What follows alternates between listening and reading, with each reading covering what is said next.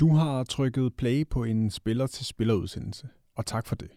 Lige nu lytter du til den i Medianos feed, men hvis du fremadrettet vil høre vores udsendelser, skal du finde spiller til spiller i dit podcast feed og trykke abonner. For fra starten af det nye år udkommer vi ikke længere hos Mediano. Så skynd dig ind og find spiller til spiller og tryk abonner, hvis du fortsat vil lytte til spillernes historier. Med det på plads kan vores lille podcast potpourri af en udsendelse begynde. Jeg kunne godt tænke mig, hvis, øh, hvis du vil starte med at præsentere dig selv.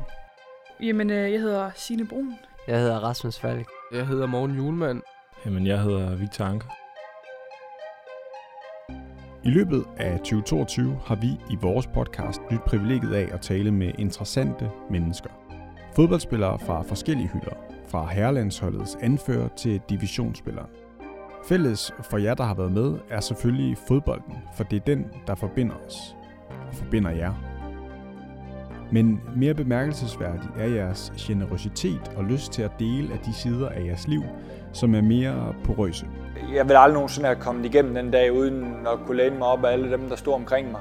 Det ene øjeblik, så løber jeg med armen over hovedet og er lykkelig for, hvordan det går. Øh, og det næste øjeblik, jamen, så øh, går du netop og, og hænger med mulen og er ikke den bedste version af dig selv. Det er jo, det er jo øh, som menneske, det er, det er jo øh, fodboldtilværelsen. Ikke? Den her udsendelse er en slags opsummering af året set, eller måske snarere hørt, gennem vores podcast.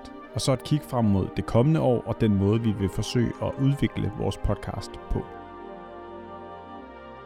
Du lytter til Spiller til Spiller. Mit navn er Michael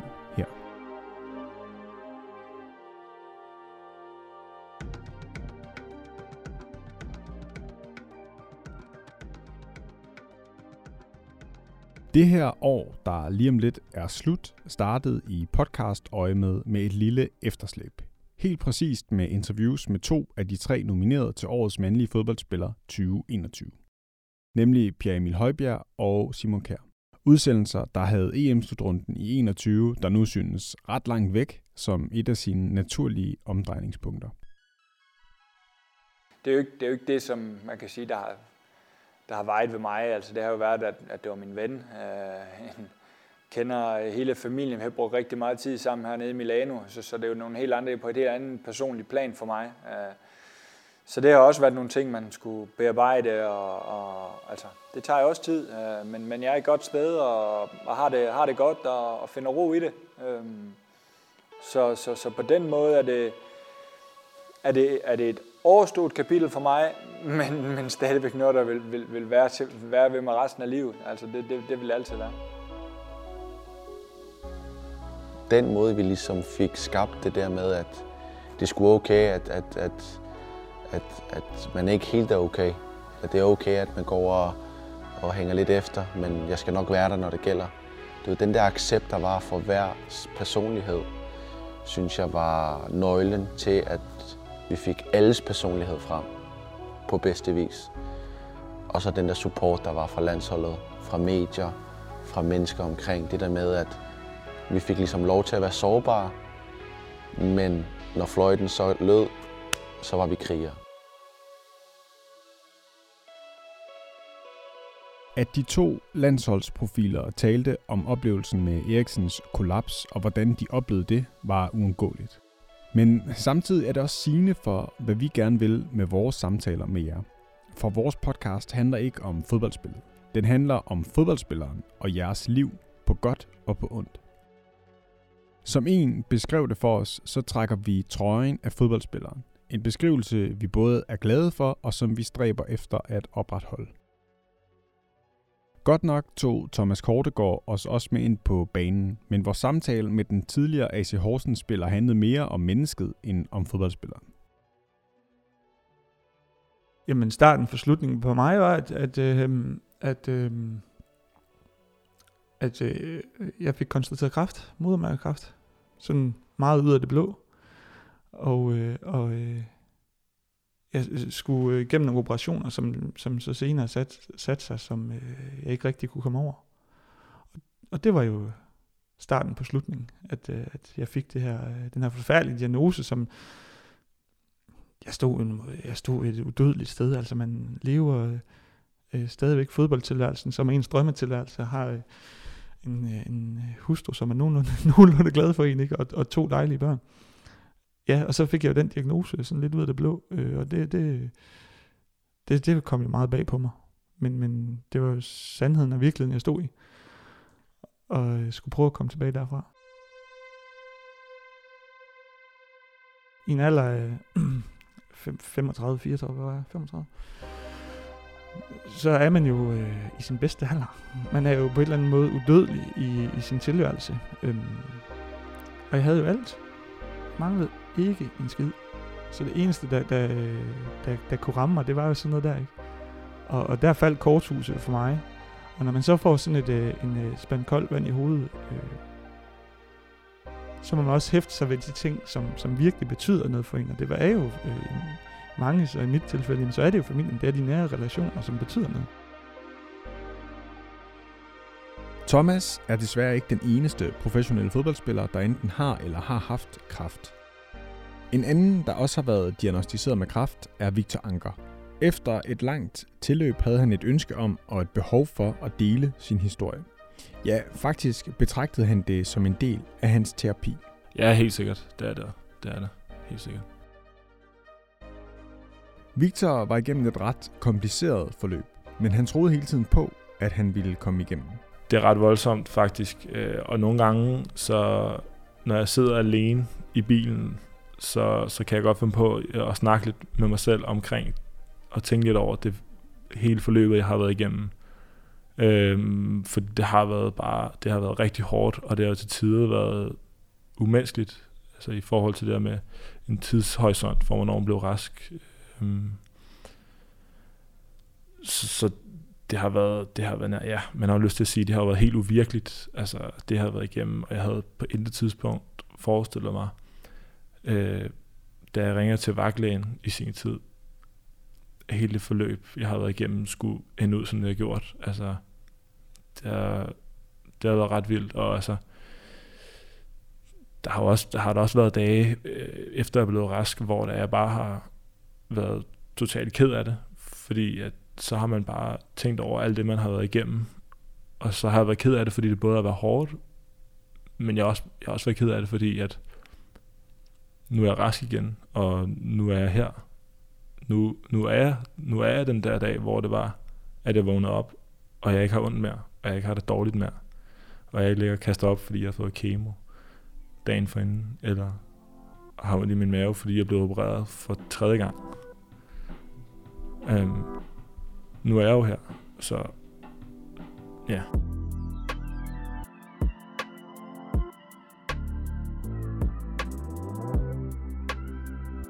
I løbet af året har du som lytter også kunnet lade dig inspirere af spillere, der har delt erfaringer.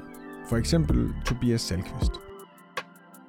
Ej, jeg har altid haft noget af det der hjemme, hvor at se mig lidt for meget, når jeg kigger tilbage nu.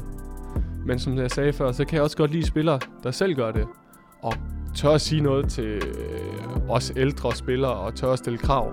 Fordi det føler jeg, det hører med til en fodboldklub. Det er, at du stiller krav til anden, du er her for at blive bedre hver dag.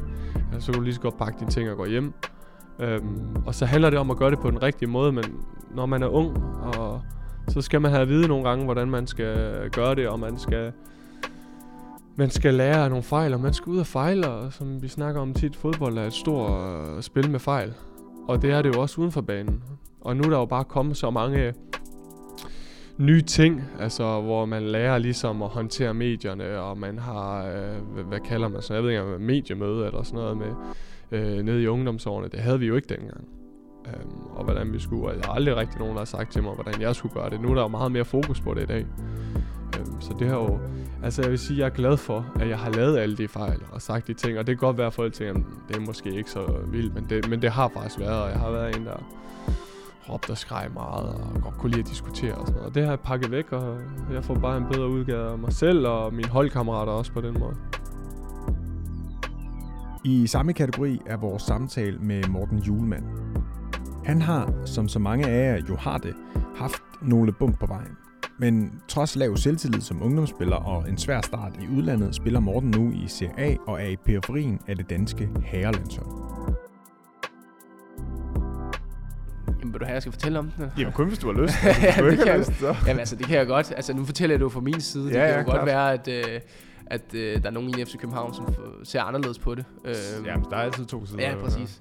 Men altså, jeg har jo haft to gode år på U19, øh, og bliver faktisk kåret til den bedste U19-spiller, da jeg, øh, lige inden jeg skulle op og være, øh, være senior. Og der kan jeg huske, at jeg til en, øh, til en reserveholdskamp øh, møder Ståle, og, og han så fortæller mig, at øh, de gerne vil skrive under med mig. Øh, og det, det gjorde mig enormt stolt, og meget overrasket faktisk, fordi jeg havde slet ikke set den komme på det tidspunkt. Og, selvfølgelig, som, som, som jeg er som person, så er jeg en, der tænker meget over tingene, så, så der var også en betænkningsperiode, øh, og der kunne jeg mærke, at, at der var nogle uger, hvor jeg, skulle, øh, hvor jeg skulle tænke over det. Og så holdt vi ikke rigtig kontakten faktisk øh, omkring og den her kontra- kontrakt med FCK.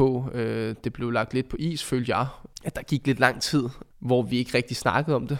Øhm, og så, øh, så fik jeg faktisk en, øh, en mulighed fra min rådgiver omkring øh, den her østerske klub, øh, som gerne vil have mig øh, som, øh, som spillede med mange unge talenter, og som lå tæt på Wien, øh, der gerne ville have mig. Øh, og da jeg ikke rigtig havde snakket med FCK om, hvad der skulle ske, så, øh, så valgte jeg at gribe muligheden. Morten blev formet af sit udlandsskifte, og det er Lecce-spilleren sikkert stadig ved at blive. Samme oplevelse havde Signe Brun, som vi talte med op til kvindernes EM-slutrunde i sommer. Jo, jo, det er jo det, og det er jo ligesom det der med at tage den næste step øh, i sin udvikling. Altså, jeg synes, at der sker noget med en, når man sådan tager til udlandet. Ja, det er sådan svært lige at sætte ord på, hvad det er, og det har jeg også snakket med nogle af de andre piger om. Der, der, man bliver bare sådan lidt mere moden på en eller anden måde, og man, man ser måske fodbold lidt anderledes, og, og den tilgang, man har til sin egen træning og sig selv, ændrer sig også lidt. Øh, så, så det er sådan, altså, det er jo nemt, når man kan kigge tilbage på det, at der tænker man jo går, når man stod i det, men, men jeg synes, at der er stor forskel på mig i Fortuna, øh, og så det er mig, der sidder her i dag. Øh, og det tror jeg, alle dem, som har taget skiftet fra Danmark til udlandet, kan skrive under på, at der sker bare et eller andet med en øh, på en positiv måde i forhold til udviklingen. At det er udviklende at skifte til udlandet, kan Lukas Henriksen skrive under på. Han flyttede til Italien, da han var bare 16 år. Og i vores snak fortalte han, hvordan han har oplevet den omvæltning, og hvordan tilværelsen i Sassuolo adskiller sig fra tilværelsen i VB, hvor han skiftede fra. Jo, det tror jeg, det tror jeg bare, at øh, der er noget, der, der er bare en del mere øh, øh, øjen på en i forhold til, at øh, folk, de, øh, for eksempel cheferne dernede og ledelsen, de er der til hver træning, og det har jeg jo ikke været vant til, at, øh, at, øh, hvad hedder det, at man hele tiden, ligesom, der er hele tiden øje på en, og de virkelig, de virkelig, øh, ja, så, så har ledelsen gået hen og ændret træning, fordi de ikke lige har været tilfredse med, hvad vores øh, træner han har stået og lavet, så der er bare en anden øh, kultur, og der er ja, en anden, på en eller anden måde hårdhed. Altså, de forlanger bare sindssygt meget mere, end hvad de gør i Danmark, så det, det, har, sgu, det, har, det har jeg sgu vende mig til.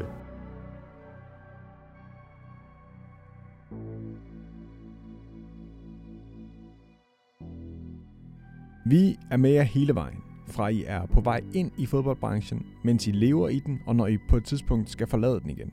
Ja, og faktisk også, når I har forladt den. Det er særligt to arrangementer billedet på, nemlig vores entrance-seminar og vores karriereskifte-seminar. Rutineret Rasmus Falk var en af oplægsholderne ved dette års entrance-seminar. Og noget af det, han gerne ville give videre til de unge spillere, var hans eget mentor. Jamen, det er sådan et udtryk, som vi et eller andet sted har brugt øh, øh, mit hold omkring mig i, i mange år. At blive øh, midt på vejen, det kan både være, når det går fantastisk, og det kan være, når det går helvede til. Så øh, er det det der med at, at, og at fodbold ikke skal betyde alt, at øh, åh, det kan være hammerne svært i en, øh, i en verden, hvor det går op og ned, op, op, ned øh, hele tiden, og hvor udsvingene er store. Men øh, at, øh, at man skal stadig, øh, skal stadig være en, øh, en god og social ven. Øh, for det er min værdi, jeg skal stadig være en god mand. Øh, jeg skal stadig, øh, øh, man kan sige, øh, når det går godt, øh, stadig holde benene på jorden, stadig være den samme, ikke... Øh, det er stadig de samme værdier, der, der gælder for mig, lige meget om det går godt eller skidt. Og det, er, det kan være en øh, øvelse, og det kan øh, nogle gange øh, kan det være svært, men det er, det er jeg i hvert fald meget bevidst om.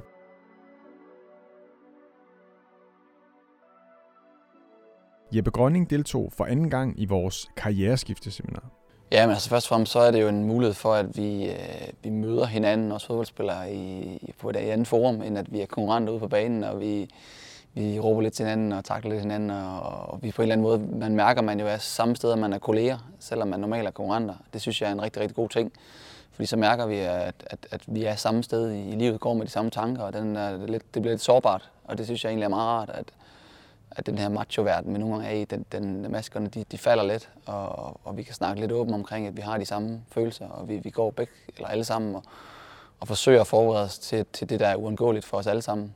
Øhm, så, så det synes jeg er rigtig godt, og så er det jo rent helt konkret en, et arrangement, hvor for player øh, giver os nogle, nogle, nogle muligheder for at, øh, jamen, som jeg siger, snakke med hinanden, men også få nogle værktøjer til, hvad, hvad, hvordan kan vi forberede os. Det er jo ikke, fordi der kommer nogle endegyldige svar, og det kan der heller ikke, fordi det, svarene ligger nok i sidste ende hos os selv. Men, men, men bare det, at vi får rammerne øh, og til at, at, og, og dyrke, lidt, dyrke lidt mere ned i, i det, der venter, og, og høre på nogen, der har været der, det synes jeg er enormt inspirerende, og det gør, at man hele tiden bliver en lille bitte smule klogere på tingene, og så skulle man jo gerne i sidste ende øh, nå til et sted, hvor, hvor man er så klar, som man kan være.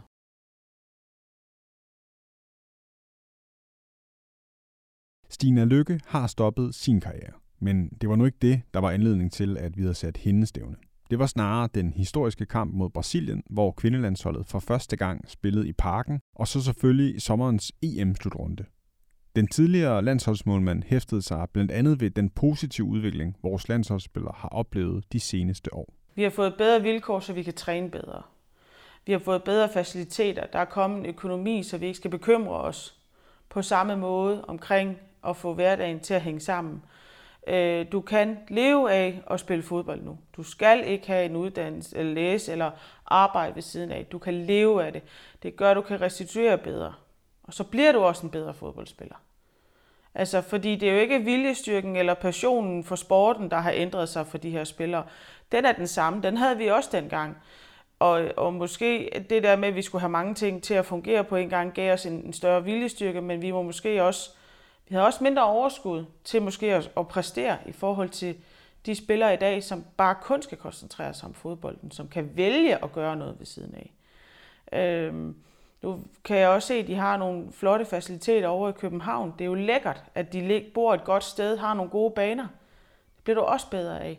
Og alle de her ting, der bliver investeret, bedre flyrejser, bedre transportmuligheder rundt til tingene, så man ikke skal bruge tre døgn på at komme hjem fra et eller andet land, man har spillet i, og så skal man spille dagen efter. Det gør bare rigtig mange ting. I løbet af året har vores egne ansatte også fortalt om vores arbejde. Jesper Mølgaard Christensen, der er rådgiver, har fortalt om vores arbejde med den gode vej ud af fodboldkarrieren. Som generelt så prøver vi at, at holde en, en positiv tone omkring det, fordi der er også rigtig meget øh, godt, der venter. Og der er to tredjedel af dit arbejdsliv, der venter på dig, øh, som skal være... Øh, som skal være rigtig godt, og som du skal trives i som, øh, som elitesports, tidligere elitesportsatlet, og nu almindelige arbejdende i gode øjne. Og vores direktør, Michael Sal Hansen, fortalte om, hvordan vi arbejder med at sikre protokoller, der skal beskytte dig mod ekstrem varme. Vi er med på, at der er hjemmebanefordel med, at man har øh, nogle mere fanatiske tilskuere, der kan synge i en hele vejen, øh, og den, den, den 12. mand og alt det her, vi taler om. Men det skal jo ikke være øh, temperaturer, der ligger øh, så ulideligt et, et pres, øh, fordi igen, det gør det jo også på, på, på hjemmeholdets spillere. Altså det, det er for mig at se Gali Mathias, at det bliver brugt som en øh, konkurrencemæssig fordel. Øh, det, det er simpelthen ikke okay. Vi skal jo ikke have en, der, der skal falde om på baggrund af det her, inden vi begynder at gøre noget. Vi skal se at komme i gang. Patrick Christensen, der er spillerrådgiver, var med til at berette om, hvordan vi hjalp spillerne i Kaosklubben Jammerbugt FC så tegner der jo lige pludselig et billede for de her spillere, at det, det sejler fuldstændig. Øh, de får ikke deres løn og kan ikke betale deres regninger, øh, så det begynder jo at gå mere og mere op i ligningen for, for de her spillere, der øh, har svært ved at, at få dagligdagen til at fungere. Det er svært at fungere på fodboldbanen, når at, øh, det heller ikke fungerede udenfor i, i den grad, som det gjorde. Jeg sige, mange fodboldspillere oplever jo op- og nedture, øh, og det er jo sådan noget, der hører med til, til fodboldverdenen, men øh, når man først øh, oplever sådan nogle større problemer, så, øh, så er det svært ikke at tage det med ind på banen også. Og senest har vicedirektør Allan Rese og Thomas Lindrup, der er chef for spillerrådgivning, så givet en introduktion til fodboldbranchen. Nu snakker vi meget om de, de unge og forældrene. Ikke? Der, der er jo, det er jo en jungle, der kommer ind i. Og kommet med gode råd til dig, der skal skrive din første kontrakt. Det er et komplekst forløb, og man skal bare gøre sig selv klart, at laver man de her uopsigelige kontrakter, som de jo rent faktisk er, så skal man være klar på, at man er nødt til at stå tiden ud på godt og ondt.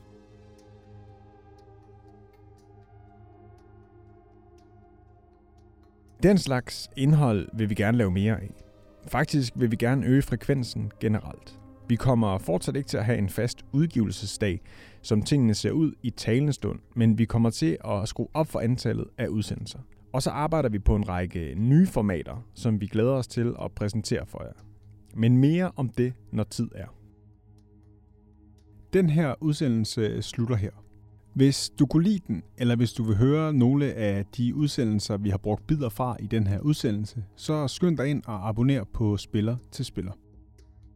Du kan nå det, mens jeg runder den her udsendelse af. Så er du også sikker på, at du opdager, når vi har nye udsendelser ude. Jeg vil også lige benytte lejligheden til at takke Mediano for det gode samarbejde, og ikke mindst ønske glædelig jul og godt nytår fra os i Spillerforeningen. Vi lyttes ved i 2023. Tak fordi du lyttede med.